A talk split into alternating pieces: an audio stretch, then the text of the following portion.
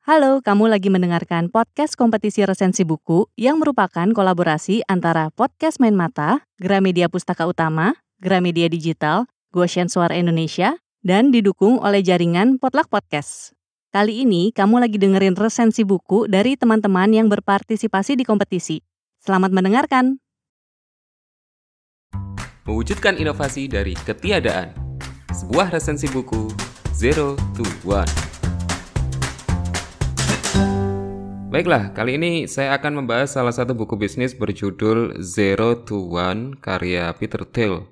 Bagi Anda yang saat ini sedang menjalankan bisnis dan ingin bisnis tersebut berkembang di masa depan, tidak sekedar berjalan biasa-biasa saja, maka ini adalah bacaan yang cocok untuk Anda. Nah, siapa itu Peter Thiel? Peter Thiel adalah salah satu pendiri PayPal di tahun 1999 dan kemudian dia berpartner dengan Elon Musk di tahun 2002 ya dan dia ini memberikan modal bagi perusahaan-perusahaan yang sedang berkembang termasuk juga dia uh, investor luar pertama Facebook, uh, investor atau pemodal untuk SpaceX dan LinkedIn. Ya, jadi uh, karir atau kiprah bisnisnya Peter Thiel ini uh, sudah grandmaster banget ya. Nah, buku ini sendiri, buku yang ditulis oleh Peter Thiel sendiri ini sudah dijual 1,25 juta kopi dalam 2 tahun di seluruh dunia. Jadi ini termasuk buku bestseller di dunia ya. Dan sekarang dicetak dalam bahasa Indonesia oleh Gramedia Pustaka Utama. Dan sekarang ini yang saya pegang, yang saya punya ini adalah cetakan ke-8-nya ya. Jadi pertama kali dicetak oleh Gramedia itu Oktober 2015, sekarang Februari 2021 itu sudah menjadi cetakan ke-8 oleh Gramedia Pustaka Utama. Uh, ini adalah buku yang tipis ya menurut saya tidak terlalu tebal ya karena hanya ada 244 halaman dan ada 14 bab di luar prolog dan epilognya. Nah, secara umum, Zero to One ini mengajarkan pada kita bagaimana mewujudkan sebuah ide atau inovasi di bidang apa pun, lalu membawanya dari ketiadaan menjadi ada gitu. Karena kalau menciptakan sesuatu yang baru itu selalu dari selalu berangkat dari kondisi yang nol ya dari nol ke satu.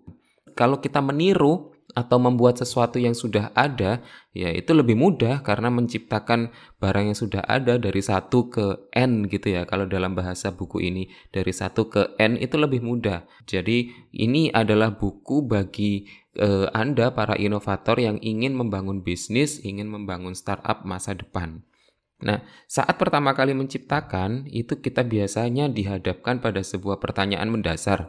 Ya, apakah ini sudah pernah ada? Jika belum ada, apakah ini memang perlu untuk dibuat? Tapi kalau sudah ada, apakah ini 10 kali lebih baik dari yang sudah ada?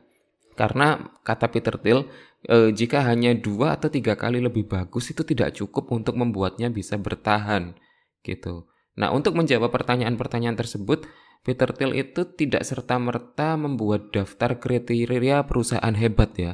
Jadi ini adalah buku yang mengajak kita untuk berpikir kritis dengan mengajukan pertanyaan-pertanyaan kritis ya. Antara lain salah satunya yang menjadi pertanyaan pertama bagi kita saat membaca buku ini adalah apa sih sebuah kebenaran penting yang yang diterima oleh banyak orang tapi jarang diperhatikan?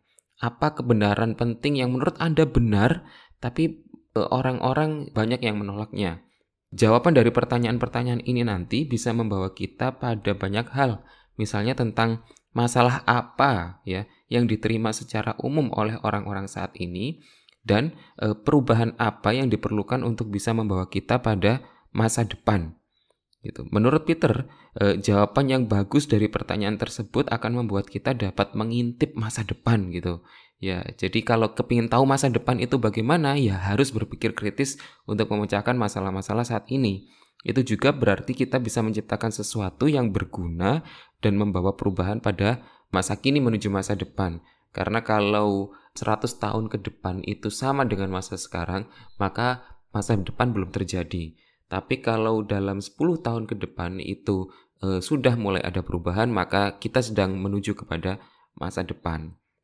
Nah, itu adalah fondasi yang ingin ditanamkan oleh e, penulis buku ini bagi para pelaku startup saat memulai bisnisnya. yaitu mempertanyakan secara kritis ide-ide yang muncul dan memulainya dari nol. Dan dia selalu mengisi tiap bab itu dengan pertanyaan-pertanyaan kritis seperti itu. Dan menurut saya ini menjadi salah satu daya tarik buku ini. Ya, saya sendiri sampai harus baca beberapa kali bab-bab yang menurut saya sulit untuk sekedar dibaca sambil lalu agar memahami maksudnya dan mengaitkannya dengan konteks saat ini. Jadi itulah yang menurut saya menjadi daya tarik buku ini. Tidak sekedar mengajarkan langkah-langkah praktis, tapi lebih kepada mengajak kita untuk berpikir kritis. Nah, buku ini ditulis dengan konteks Amerika ya. Jadi buku ini e, ditulis Peter Thiel 2014 dengan konteks Amerika dengan pengalaman beliau membangun bisnis di Amerika. Nah, meskipun banyak contoh-contoh bisnis yang dia contohkan itu berasal dari Silicon Valley Amerika, tapi tetap bisa kita tarik benang merahnya kepada kondisi kita di negara Indonesia. Apalagi eh, sesuatu yang terjadi 30 tahun di Amerika itu 20 tahun berikutnya baru kita rasakan hype-nya di Indonesia. Contohnya misalnya tentang eh, demam internet demam internet di Amerika mulai terjadi di 90-an. Ketika itu ada periode bubble.com ketika banyak perusahaan-perusahaan internet bermunculan, mereka membesar cepat besar, kemudian yang tidak punya fondasi kuat ini kemudian meletus karena tidak ada isinya, bangkrut. Nah, ini juga mulai kita rasakan 10 tahun belakangan di 2010-an ya. Ketika ada mulai muncul Tokopedia, mulai kemudian muncul Gojek dan seterusnya, perusahaan internet di Indonesia ini mulai berkembang. Nah, pengalaman yang ditulis oleh Peter Thiel di tahun 90-an ini sebenarnya bisa kita pakai untuk mengantisipasi uh, bubble.com terjadi di Indonesia dan ini menarik sekali. Poin utama buku ini sebenarnya adalah bagaimana cara membuat bisnis yang sukses gitu. Apa sih bisnis yang sukses menurut Peter Thiel? Menurut dia bisnis yang sukses itu pertama dia harus bisa keluar dari kompetisi. Kenapa? Karena bagi Peter Thiel kompetisi itu bukan sesuatu yang bagus ya, karena biasanya memaksa para e, pelakunya untuk menurunkan harga atau menurunkan kualitas, bersaing dengan kompetitor dan sebagainya, menarik minat konsumen. Bahkan ada salah satu contoh di buku ini yang diceritakan ada dua orang CEO yang berperang antar perusahaan dan itu sudah kerana pribadi. Mereka memasang baliho dan saling mengejek itu sungguh-sungguh tidak produktif dan tidak bermanfaat bagi konsumen. E, di sisi lain, para karyawan juga akan mendapatkan gaji yang buruk juga karena harga atau keuntungan yang diambil itu sangat sedikit. Nah, eh, jadi eh, bagaimana membuat perusahaan yang sukses? Pertama harus keluar dulu dari kompetisi, kemudian masuk ke dalam monopoli. Nah, bagi sebagian orang kan monopoli itu kesannya mengatur segala hal atau seperti punya kuasa tunggal ya kan sehingga ada kemungkinan untuk mempermainkan harga seenaknya.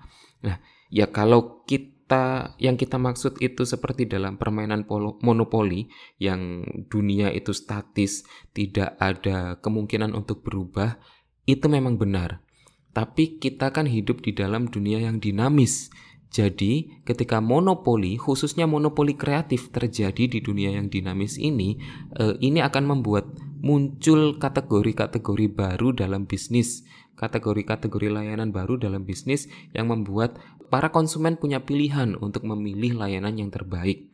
Ya, contohnya itu adalah ketika Apple muncul itu sengit-sengitnya perang smartphone antara Google dengan Microsoft gitu. Tapi kemudian Apple datang dengan dengan iPhone-nya, dengan MacBook dan sebagainya dan itu memberikan pilihan bagi konsumen bahwa ini adalah smartphone yang uh, bisa diandalkan dan kompetisi antara MacBook uh, antara Microsoft dengan Google ini menjadi tidak lagi relevan karena sudah ada produknya Apple yang begitu kuat, begitu bagus, begitu dominan gitu. Juga ketika Google sendiri muncul sebagai mesin pencari Ya, ketika Google muncul sebagai mesin pencari, dia langsung 10 kali lebih baik dari mesin-mesin pencari yang sudah ada sebelumnya. Mungkin bagi Anda yang belum tahu, sebenarnya Google itu bukan pelopor mesin pencari. Ada Lycos, ada AltaVista, ada Yahoo sebelum Google, dan mereka itu ada banyak mesin pencari. Kemudian Google muncul dengan algoritmanya yang luar biasa, dan dia memonopoli dalam uh, bisnis mesin pencarian.